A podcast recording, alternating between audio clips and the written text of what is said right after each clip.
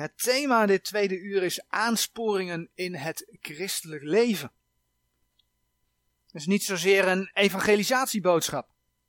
Ik ga er in de boodschap vanuit dat je de Heer Jezus kent. Dat Hij je persoonlijke verlosser is. En dan is het goed om als kind van God aansporingen te zien die de Heer geeft in zijn woord. We hebben allemaal te maken met het leven van alle dag. Met plezierigheden, maar ook tegenslagen, met zwakheden, met aanvechtingen. En dan is het goed om je te bepalen bij wat de Heer zegt, hoe je nou in dat christelijk leven moet staan. Dat helpt om standvastig te zijn. Dat lees je bijvoorbeeld in Spreuken 2, vers 1 tot en met 9. Dan lees je dat als je de wijsheid van de Heer zoekt, dat Hij je bestendig zal maken. Dat zegt de Heer. De boodschap had ook kunnen heten aansporingen tot het christelijk leven. Want niet iedere wederom geborene wandelt met de Heer. In de Bijbel vinden we een voorbeeld, dat is Demas. Demas die een medearbeider van Paulus was. Dat vind je bijvoorbeeld in Philemon 24. Philemon heeft één hoofdstuk, maar het is dus vers 24. Dan lees je dat Demas een medearbeider van Paulus was, maar dan lees je in 2 Timotheus 4 vers 10. Want Demas heeft mij verlaten. Want Demas heeft mij verlaten, hebbende de tegenwoordige wereld lief gekregen. En is naar Thessalonica gereisd. Dus gelovigen kunnen de wereld lief krijgen. En zo iemand heeft dan de oproep nodig die we bijvoorbeeld in Efeze 5 vers 14 zegt.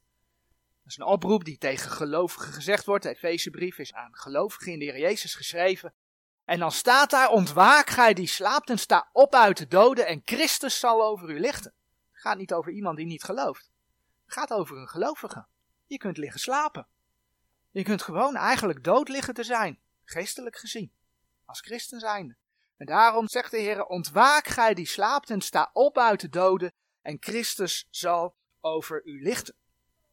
Nou, wat helpt je om als wederomgeborene te leven? Een mooi gedeelte waarin we diverse aansporingen tegenkomen, vinden we in Colossense 3, vers 1 tot en met 17. Het is een mooi schriftgedeelte dat gaat over het oude en het nieuwe leven, maar ook over de oude en de nieuwe mens en de strijd die daartussen is. En dan gaan we dat gedeelte gaan we lezen. Colossense 3 vanaf vers 1. Indien gij dan met Christus opgewekt zijt, zo zoekt de dingen die boven zijn, waar Christus is, zittende aan de rechterhand Gods. Bedenkt de dingen die boven zijn, niet die op de aarde zijn.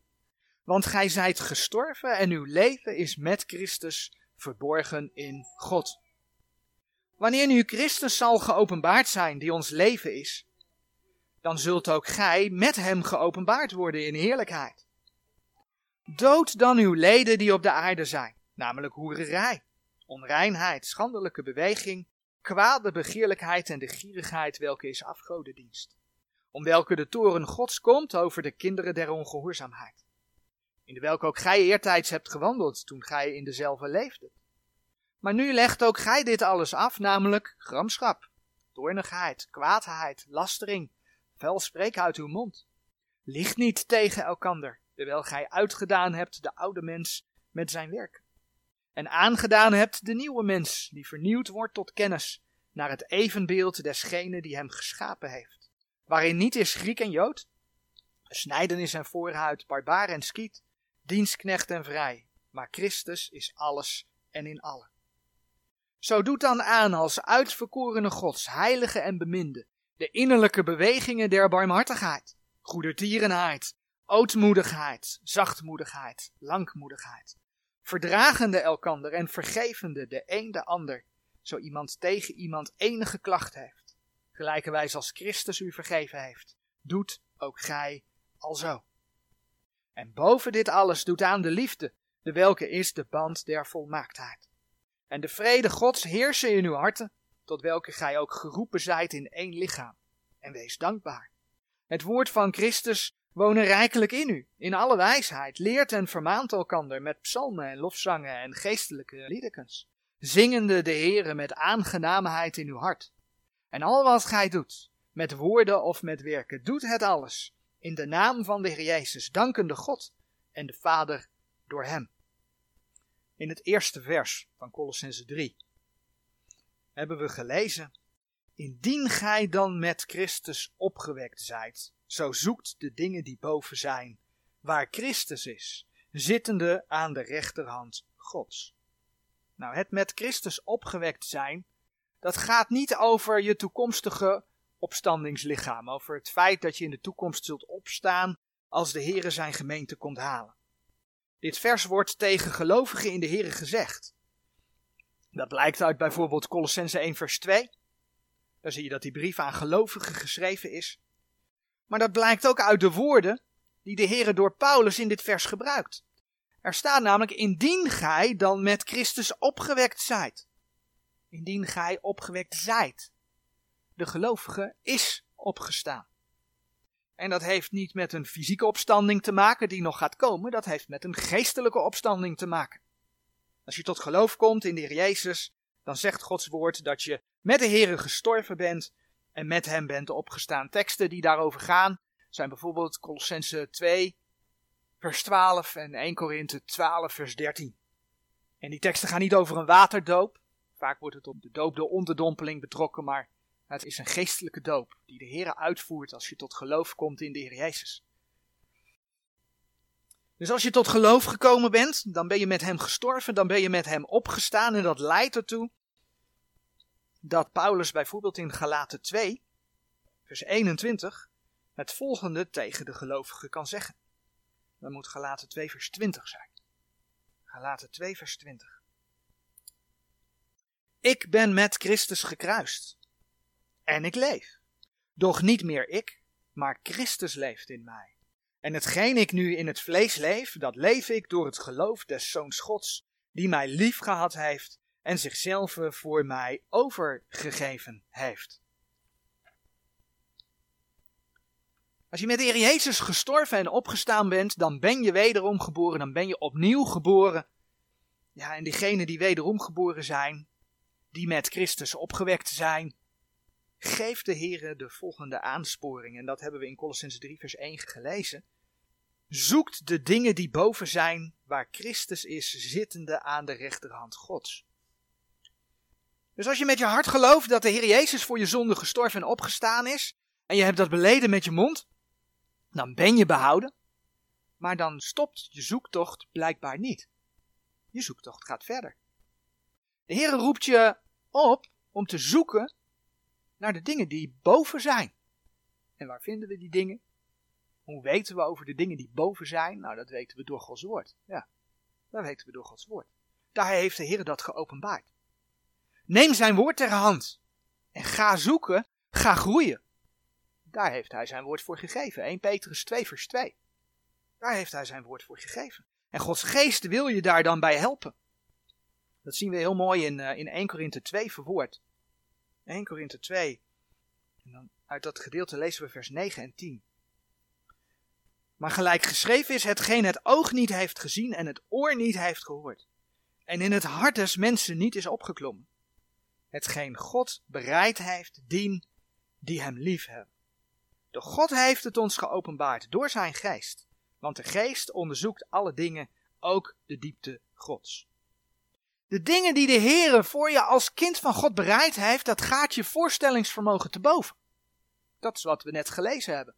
En toch heeft hij zijn woord gegeven om te onderzoeken. En zijn geest als hulp daarbij. Omdat hij ook de diepten Gods onderzoekt. En als je weet dat de Heer zijn woorden bewaard heeft, dan is dat dus niet een zoektocht naar allerlei richtingen. Daar hoef je niet meer te zoeken. Die zoektocht is dan gestopt als je de waarheid kent. Maar het is een zoektocht in zijn woord om de Heere beter te leren kennen. En als je de Heere beter leert kennen, dan ga je groeien in de dingen van Hem. Dan komen we bij de tweede aansporing. Colossens 3, vers 2. Bedenkt de dingen die boven zijn, niet die op de aarde zijn. Ik noemde zojuist het groeien. Het groeien van je als gelovige. door Gods woord ter hand te nemen. Je open te stellen voor de waarheid van dat woord en de leiding van Gods geest daarin. Groeien in de dingen van de Heer. Maar deze teksten noemen heel specifiek de dingen die van boven zijn. Nee, niet de dingen die van boven zijn. Deze tekst noemt heel specifiek de dingen die boven zijn. Nu kun je iets zoeken. Je kunt het gevonden hebben. En het vervolgens opbergen. Prima, gevonden. En naast je neerleggen. Bij wijze van spreken. Maar Colossense 3 vers 2 zegt dus, bedenkt de dingen die boven zijn. Eigenlijk betekent dat zoveel als wees ermee bezig. Vul je ermee. Door het te overdenken. Onze overdenkingen, die vinden plaats in ons hart. En een tekst waar je dat kunt vinden is bijvoorbeeld Lucas 5, vers 22. Gaan we nu niet opzoeken, maar daar kun je het checken. Onze overdenkingen vinden plaats in ons hart en dat is natuurlijk niet ons fysieke hart, maar wel ons binnenste. Het binnenste waar, waar je geest zich bevindt. Het binnenste waar volgens Galaten 4 vers 6 de Heilige Geest in uitgezonden is. Dus laat je hart bij Gods woorden zijn. En specifiek in deze teksten laat je hart bij de dingen zijn die boven zijn. In Matthäus 6, vers 19 tot 21 zei de Heer Jezus zo mooi. Matthäus 6, vers 19 tot 21. Vergadert u geen schatten op de aarde, waar ze de mot en roest verderft, en waar de dieven door graven en stelen. Maar vergadert u schatten in de hemel, waar ze nog mot, nog roest verderft, en waar de dieven niet doorgraven nog stelen. Want waar uw schat is, daar zal ook uw hart zijn. Vergadert uw schatten in de hemel. De hemel, dat is boven. Dus als je overdenkingen zijn bij de dingen die boven zijn, overdenkingen vinden plaats in je hart, dan is ook je hart bij de dingen die boven zijn. Maar welke dingen zijn dan boven? Dat is wel handig om te weten, want hoe kun je er anders over nadenken? Ermee bezig zijn. Nou, Colossense 3 vers 1 laat onder andere zien dat de Heer Jezus boven is. Hij is zittende aan de rechterhand Gods. De Heer Jezus is naar deze aarde gekomen, heeft zijn lichaam voor je verbroken, heeft zijn bloed voor je vergoten en is opgestaan uit de doden. En dan laat de Heer in zijn woord zien dat hij naar de hemel is gegaan en daar zit hij aan de rechterhand van de Vader. Colossense 3 vers 1 zegt dat onder andere. Dus kun je in alle dingen zeggen, met Hebreeën 12 vers 2, dat je ziet op je overste leidsman, Jezus Christus, die leeft en die in de hemel is. Als je op hem gericht bent, dan ben je al boven gericht. Maar er is natuurlijk veel meer boven. In uh, Matthäus 6, vers 19 tot 21 lazen we al over schatten in de hemel. In de hemel waar de Heer Jezus zich bevindt. En die hemel, ja, die hemel is boven. En als we dan naar Galaten 4, vers 26 bladeren, dan zien we dat boven, in die hemel, zich het nieuwe Jeruzalem bevindt. Galaten 4, vers 26 spreekt namelijk over, maar Jeruzalem dat boven is. Dat is het nieuwe Jeruzalem. Dat is boven. Zo bevindt de troon van God zich boven in de hemel. Als je in Openbaring 4, vers 1 tot en met 6 leest dat Johannes opgenomen wordt, dan ziet hij daar aan een glazen zee, ziet hij een troon. Dat is de troon van God. Dat bevindt zich boven. En zo laat de Heer zien dat de beloning die hij wil geven hè, voor trouwe dienst bij de rechterstoel van Christus, dat die ook in de hemel bewaard wordt. Eigenlijk kunnen we dat al afleiden uit Matthäus 6, vers 19 tot 21, die spreekt over schatten in de hemel. Maar zo zegt bijvoorbeeld 2 Timotheus 4, vers 8. 2 Timotheus 4 vers 8 het volgende. Voorts is mij weggelegd de kroon der rechtvaardigheid, welke mij de Heere, de rechtvaardige rechter, in die dag geven zal. En niet alleen mij, maar ook allen die zijn verschijning liefgehad hebben. Hier staat dat er een kroon der rechtvaardigheid is weggelegd voor degenen die de Heere blijven verwachten. Dus puur het feit dat je de verwachting blijft houden op de Heere, dat beloont de Heere. Nou, als we om ons heen kijken in deze tijd, dan zien we ook dat veel mensen dat niet meer verwachten. Ook veel christenen, het wordt ze ook niet verteld in kerken veelal. Velen zijn met het hier en nu bezig. Maar de Heer stelt daar een kroon voor en de Heer zegt dat die kroon is weggelegd. Nou, logischerwijs betekent dat die kroon in de hemel bewaard wordt. Dat die kroon in de hemel is weggelegd. Dat staat hier niet. Als we dan naar 1 Petrus doorbladeren. 1 Petrus 1 vers 3 en 4. Dan zien we wat de Heer daar zegt. In 1 Petrus 1 vers 3. Daar lezen we. Geloofd zij de God en Vader van onze Heer Jezus Christus, die naar zijn grote barmhartigheid ons heeft wedergeboren tot een levende hoop, door de opstanding van Jezus Christus uit de doden, tot een onverderfelijke en onbevlekkelijke en onverwelkelijke erfenis, die in de hemelen bewaard is voor u. Zien we dat staan? Een erfenis die in de hemelen bewaard is voor u. De erfenis waaronder de beloning wordt dus in de hemel bewaard. En dan komt de vraag: is die hemel ook werkelijkheid voor je? Vaak zijn we als mensen zo met de aardse zaken bezig die ons bezighouden, dat we helemaal niet op het hemelse gericht zijn. We hebben christelijke vrienden, waar we graag een kopje koffie mee drinken. Voor de gezelligheid. We hebben christelijke scholen voor onze kinderen. We hebben christelijke politieke partijen die voor ons zorgen.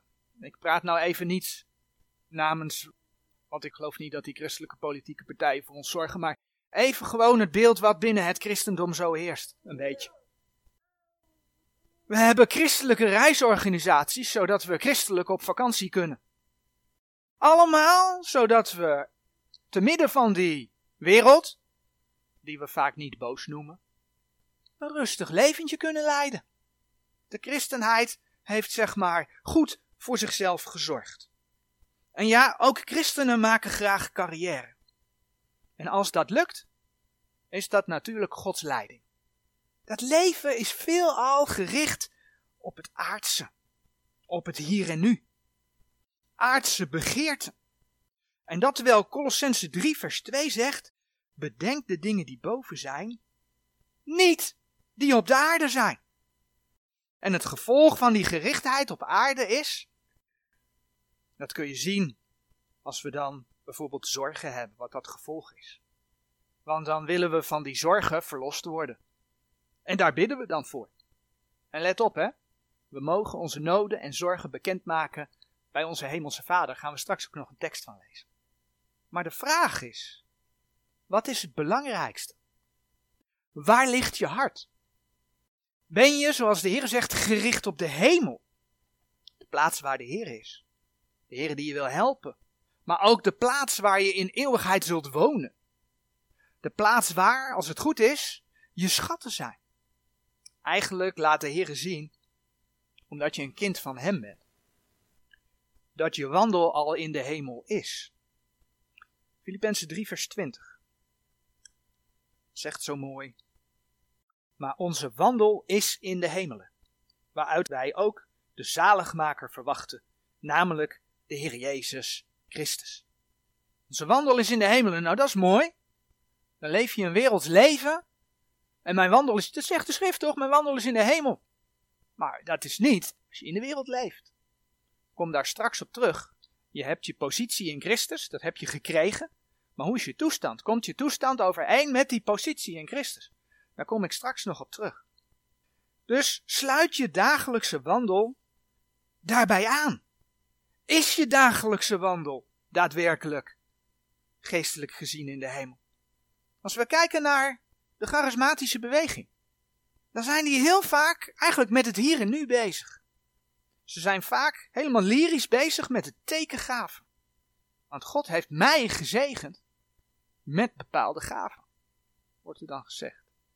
Mensen moeten bijvoorbeeld genezen als ze ziek zijn, want anders zijn ze geen kind van God. Of in elk geval geen trouwkind van God. Dat klopt bijbels natuurlijk niet, maar zo wordt vaak wel gedacht. En we gaan nu niet bij die tekengaven stilstaan. Er staan op de site audio, maar ook tekst, diverse preken, studies, die aan de hand van Gods woord aantonen dat vandaag de dag de Heere God wel gaven geeft, maar niet de tekengaven.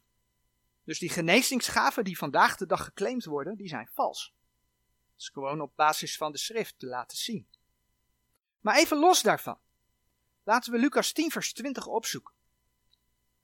Lucas 10, vers 20 is geschreven in de context van tekenen die de Heere de discipelen gaf. Daar wel. Dan lees je namelijk in Lucas 10, vers 19. De tekenen die de Heer specifiek aan zijn discipelen gaf. Maar dan moet je kijken wat de Heer in Lucas 10, vers 20 zegt. Doch verblijdt u daarin niet dat de geesten u onderworpen zijn, maar verblijdt u veel meer dat uw namen geschreven zijn in de hemelen. Zelfs toen de Heer die tekengaven aan zijn discipelen gaf, in die tijd wel, zegt hij tegen hen: Verblijd je er niet in, maar wees veel meer verblijd dat je naam opgetekend is in de hemel, geschreven is in de hemel. Dus daar waar men vol enthousiasme bezig is met de tekengaven die een goed leven hier en nu zouden moeten geven, want je moet toch genezen als je kind van God bent, zou men zich eigenlijk moeten verblijden met het feit dat uw namen geschreven zijn in de hemelen. Dat is voor de Heere het belangrijkste. Dus nogmaals, sluit daar je dagelijkse wandel bij aan. Denk je daarover na? Ligt daar je hart? Of ben je meer met aardse dingen bezig? Is je huis belangrijker dan de Heer? Zijn je vrienden belangrijker dan de Heer? Is een spel belangrijker dan de Heer? Iets wat heel erg in is, is voetbal, is sport belangrijker dan de Heer? Nou, voetbal is zo'n voorbeeld. Voor veel mensen heel belangrijk. En als ik het goed heb, is woensdagavond vaak de voetbalavond. Dus wat doe je op die avond als daar bijvoorbeeld bidstond is van de gemeente? Ga je dan naar de bidstond om de Heer te zoeken die boven is? Of ga je bezig met die ja, voor jou belangrijke wedstrijd?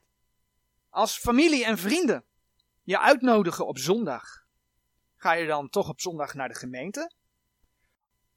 Of ruil je dat in voor een gezellig bezoekje? Maak je tijd om Gods woord te lezen. En ga zo maar door. Ben je gericht op de Here? Ben je gericht op het verspreiden van zijn woord? Zodat je schatten in de hemel verzamelt, want dat is boven. Is je leven gericht op de dingen die boven zijn? Laten we in 2 Korinthe 5, vers 14 en 15 kijken. 2 Korinthe 5, vers 14 en 15. Want de liefde van Christus dringt ons, als die dit oordelen dat indien één voor allen gestorven is, zij dan allen gestorven zijn. En hij is voor allen gestorven, opdat degenen die leven niet meer zichzelf zouden leven, maar dien die voor hen gestorven en opgewekt is. Als het goed is, leef je dus niet meer voor jezelf, maar leef je voor de Heer. Dat leven voor de Heer, het gericht zijn op de dingen die boven zijn, wordt eigenlijk in de rest van het schriftgedeelte wat we gelezen hebben, Colossense 3, voortgezet. Colossense 3, vers 4 spreekt over het moment dat de Heer terugkomt. En dat de gelovigen met hem terugkomen. Dat vers dat zegt, Colossense 3, vers 4, wanneer nu Christus zal geopenbaard zijn, die ons leven is, dan zult ook gij met hem geopenbaard worden in heerlijkheid. Dat gaat dus al de opname voorbij. Als de Heer geopenbaard wordt, als de Heer terugkomt, dan zult ook gij met hem geopenbaard worden, zult ook gij met hem terugkomen. Als je daarop gericht bent, dan ben je gericht op het behalen van loon en kroon. Daarom gaat Colossense 3 vers 5 verder. Met, dood dan uw leden die op aarde zijn. En waarom gaat Colossense 3 vers 5 daarmee verder? Als je loon en kroon behaalt, dan zul je ook bij dat koninkrijk zijn. Andere teksten in Gods woord die dat duidelijk maken. Je behoudt, dat heeft iedere gelovige. Maar je aandeel in het koninkrijk, dat heeft ermee te maken of je hier op aarde voor de Heer geleefd hebt. Dat kun je onder andere halen uit 2 Timotheus 2 vers 11 tot en met 13. Dus Colossense 3 vers 5 gaat daarmee verder. Dood dan uw leden die op de aarde zijn. En dan volgen in ja, vers 5 tot en met 9 van Colossense 3 allemaal werken van het vlees. Dat gaat van hoererijen en andere seksuele begeerten tot gierigheid, kwaadheid, vuilspreken en liegen. Er worden er meer genoemd.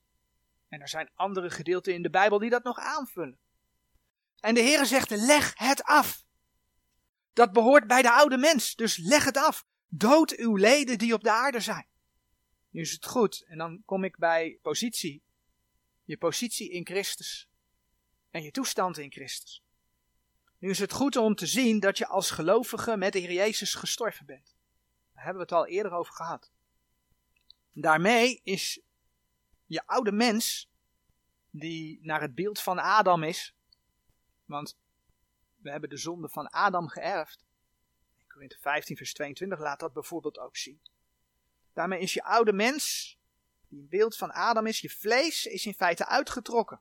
We hebben vorig jaar uitgebreid bij de geestelijke besnijdenis stilgestaan. Colossense 2 spreekt daarover, vers 9 tot en met 12, waar de Heer zegt dat je je vlees uittrekt als je tot geloof komt. Dat is de geestelijke besnijdenis. Dat is je positie in Christus. En die is dus dat je oude mens met de Heer Jezus gekruisigd is. Dus die oude mens is dood. Voor de Heer. Dat lezen we ook in Colossense 3 vers 9. In Colossense 3 vers 9 staat, Lieg niet tegen elkander, terwijl gij uitgedaan hebt de oude mens met zijn werken. Dat is je positie. Je hebt de oude mens uitgetrokken. Door de wedergeboorte, door de geestelijke besnijdenis. Maar dan komt de praktijk. Dan komt de praktijk. Je toestand is dat je nog in dit lichaam leeft. En dat de Heer op andere plekken laat zien dat jouw vlees je verleidt tot zonde. Maar dan komt hij, omdat je geestelijk besneden bent, is het mogelijk om dat vlees voor dood te houden. Kun je ook vinden in Romeinen 6 vers 11, maar je vindt dat dus ook in dit gedeelte. En daarom lezen we, dood dan uw leden die op de aarde zijn. Hetzelfde geldt voor de nieuwe mens. Je bent als gelovige door de wedergeboorte met Christus opgestaan. Dat is je positie in Christus. Colossense 3 vers 10 zegt, en aangedaan hebt de nieuwe mens die vernieuwd wordt tot kennis naar het evenbeeld desgene die hem geschapen heeft. Je hebt dus de nieuwe mens aangedaan als gelovige. En die is naar het beeld van de Heer Jezus. En toch zagen we dat je als gelovige door het vlees getrokken wordt tot zonde. Daarom moet je je vlees voor dood houden. Maar ook zegt Colossense 3 vers 12. Zo doet dan aan. Zo doet dan aan. En dan volgen in vers 12 tot en met 17 allerlei eigenschappen die bij de nieuwe mens horen. Eigenschappen van barmhartigheid, ootmoedigheid. Ootmoedigheid is nederigheid, zachtmoedigheid. Tot langmoedigheid. Langmoedigheid is geduld en vergevingsgezindheid. En ook nu heb ik ze niet allemaal genoemd, er zijn er meer. Ondanks dat je in Christus de nieuwe mens enerzijds aangedaan hebt, zegt de Heer dus ook, zo doet aan de nieuwe mens. Dat is dus een verschil tussen je positie in Christus, je bent behouden, je bent vergeven, je hebt een nieuw leven en je toestand. Ik zondig, dus ik moet vergeving vragen. En ik moet mijn oude mens afleggen en mijn nieuwe mens aandoen. Een gedeelte waar dat heel mooi in tot uiting komt is Efeze 4, vers 22 tot en met 24.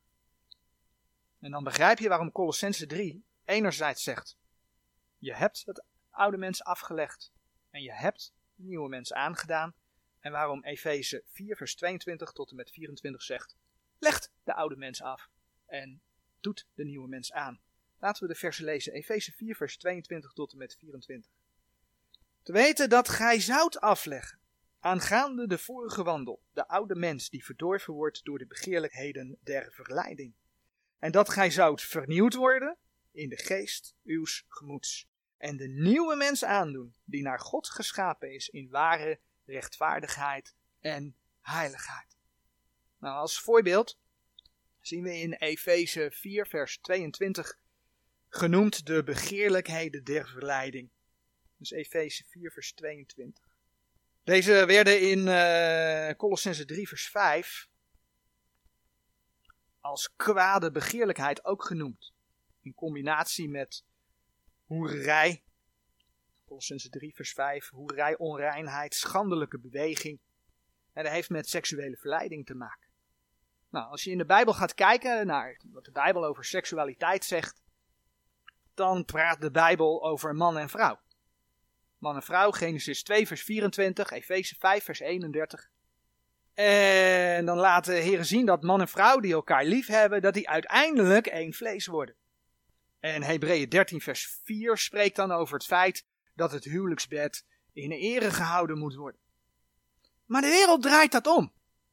De wereld kijkt naar begeerte. En handelt vanuit begeerte. Vaak begint men met intimiteit. Vaak begint men met seksualiteit, met seks. En de rest moet dan volgen. Maar dat betekent dat seksualiteit niks meer met liefde te maken heeft. En dat dat gaat leiden tot, ja, waar de Heer tegen waarschuwt, hoererij. Maar ook schandelijke bewegingen. Het wordt een lust die bedreven moet worden. En wat zien we vandaag de dag? Nou, ik denk dat ik al niet eens meer hoef te zeggen steeds meer. Het gebeurt gewoon volop. Mensen laten elkaar weer in de steek. Ze hebben de verkeerde basis. Ze hebben elkaar gevonden in lust. Het mag duidelijk zijn dat dit niet is wat de Heer wil. Tegenover de begeerte en de lust die in de wereld bevredigd moet worden, waar het dus vaak ook om het ik draait, want ik moet bevredigd worden, plaatst de Heer barmhartigheid. Plaatst de Heer ootmoedigheid. Het jezelf wegcijferen. Nederigheid. Als je nederig bent, dan cijfer je jezelf weg. Maar ook langmoedigheid. Dat is geduld. En dan zegt de Heer, doet dat aan. Colossense 3, vers 12. Dus leer geduld hebben. Leer wachten. En vraag de Heer in die dingen om zijn leiding. Nou, als je elkaar vindt als man en vrouw, dan ga je elkaar leren kennen. Leer elkaar liefhebben. En heb geduld. Verenig je pas als je daadwerkelijk man en vrouw wordt. Maar misschien leef je daarna. Misschien is dat je wil om de Heere daarin te volgen. Maar dan is er ook een ander vlak waarop je, als je elkaar leert kennen, geduld moet oefenen. De Heere waarschuwt in zijn woord namelijk ook om geen ongelijk juk aan te trekken. En daarvoor bladeren we naar 2 Korinthe. 2 Korinthe 6. 2 Korinthe 6 vers 14 tot en met 16. In die verse lezen we, trekt niet een ander juk aan met de ongelovigen.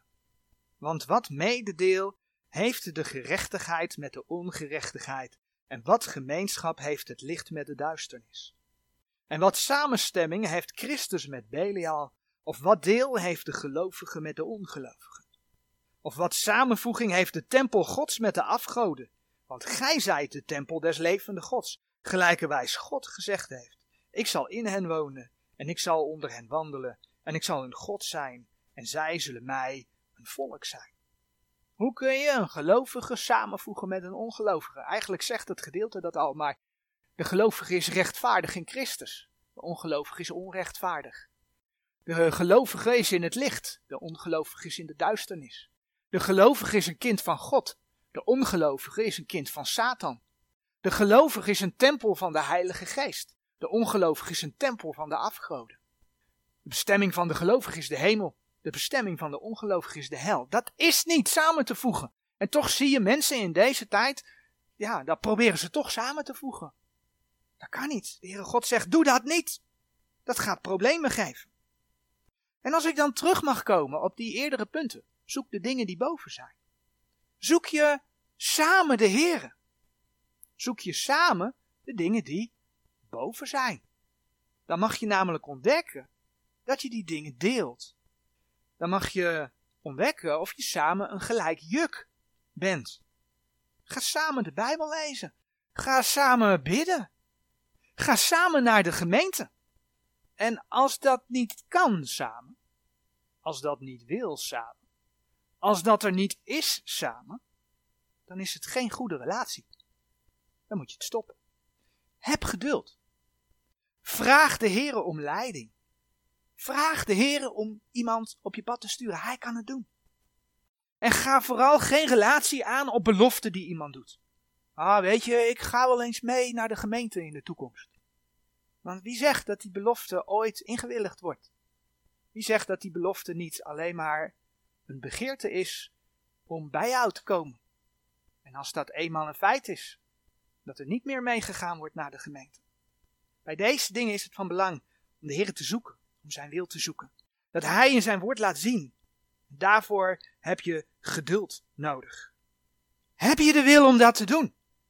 Weiger je vlees en vraag de Heer je te helpen en te leiden. Doet aan de nieuwe mens met het voorbeeld langmoedigheid, geduld. Vervolgens zegt uh, Colossense 3 vers 15. En de vrede Gods heersen in uw harten, tot welke gij ook geroepen zijt in één lichaam en weest dankbaar. Als kind van God mag je weten dat je vrede hebt. Je hebt vrede met God.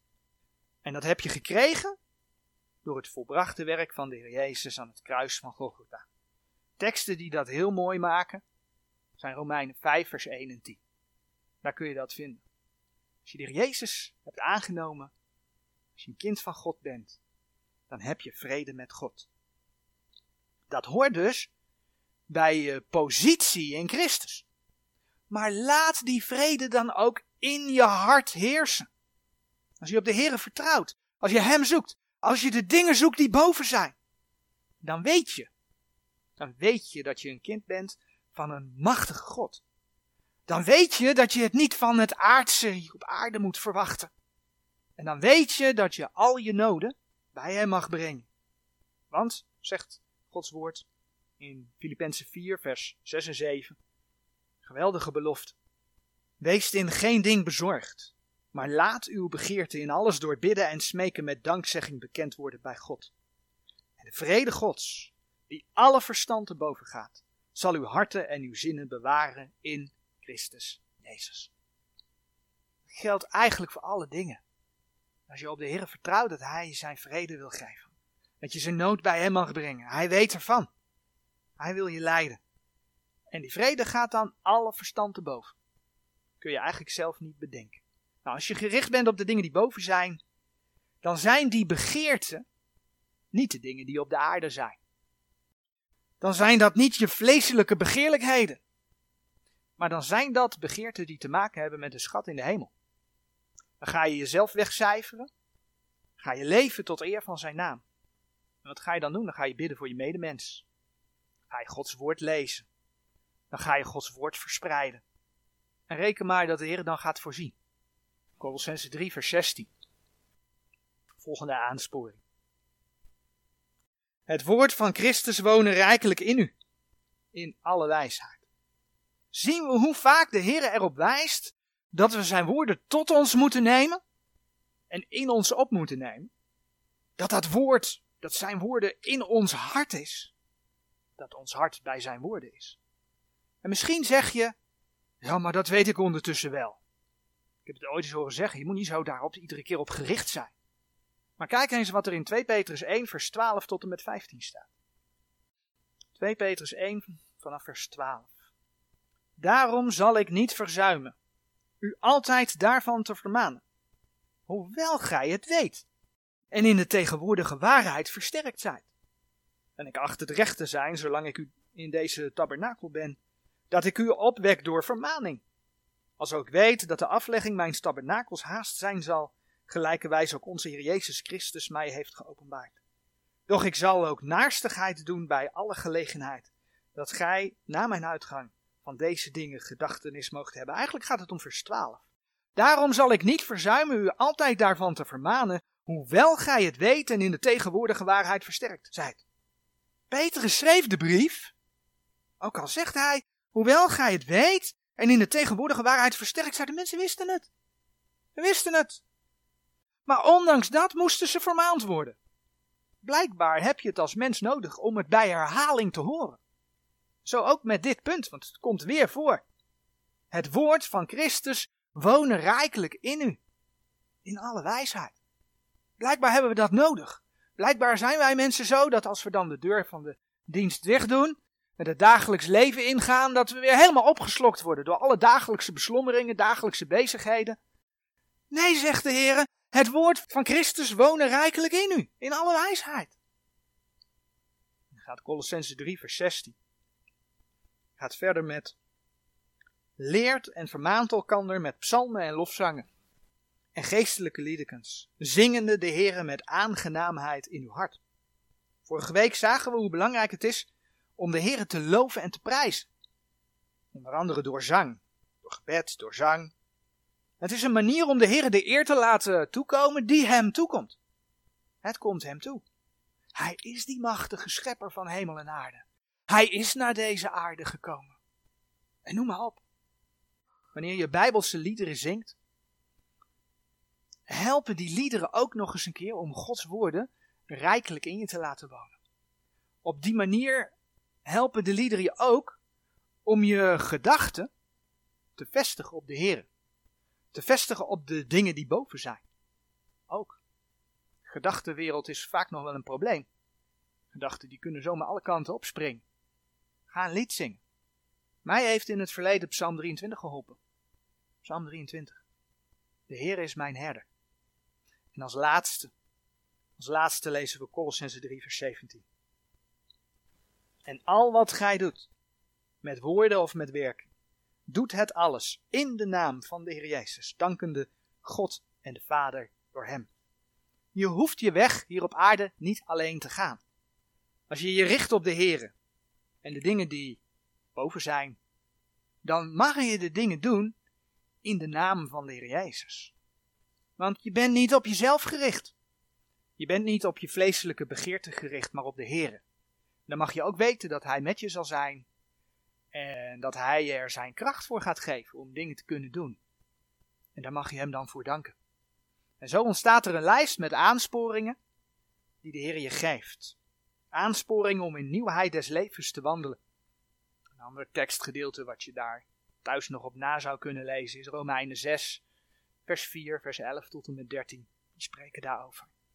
Een lijst die, uh, die niet compleet is. Die je zou kunnen uitbreiden. Ik denk alleen al aan 1 Timotheus 2 vers 1, waar de Heer je aanspoort om voorbeden te doen. En zo zijn er meer dingen. Maar dit is op basis van Colossense 3, de eerste 17 versen. En dat we dan deze vandaag mee naar huis mogen nemen. Zoekt de dingen die boven zijn. Zet je hart op de dingen die boven zijn. Leg je oude mens af. Doe je nieuwe mens aan. Laat de vrede Gods in je hart heersen. Laat het woord van Christus rijkelijk in je wonen. Zing de Heere met aangenaamheid in je hart. Doe alles in de naam van de Heer Jezus. En dank Hem. Amen.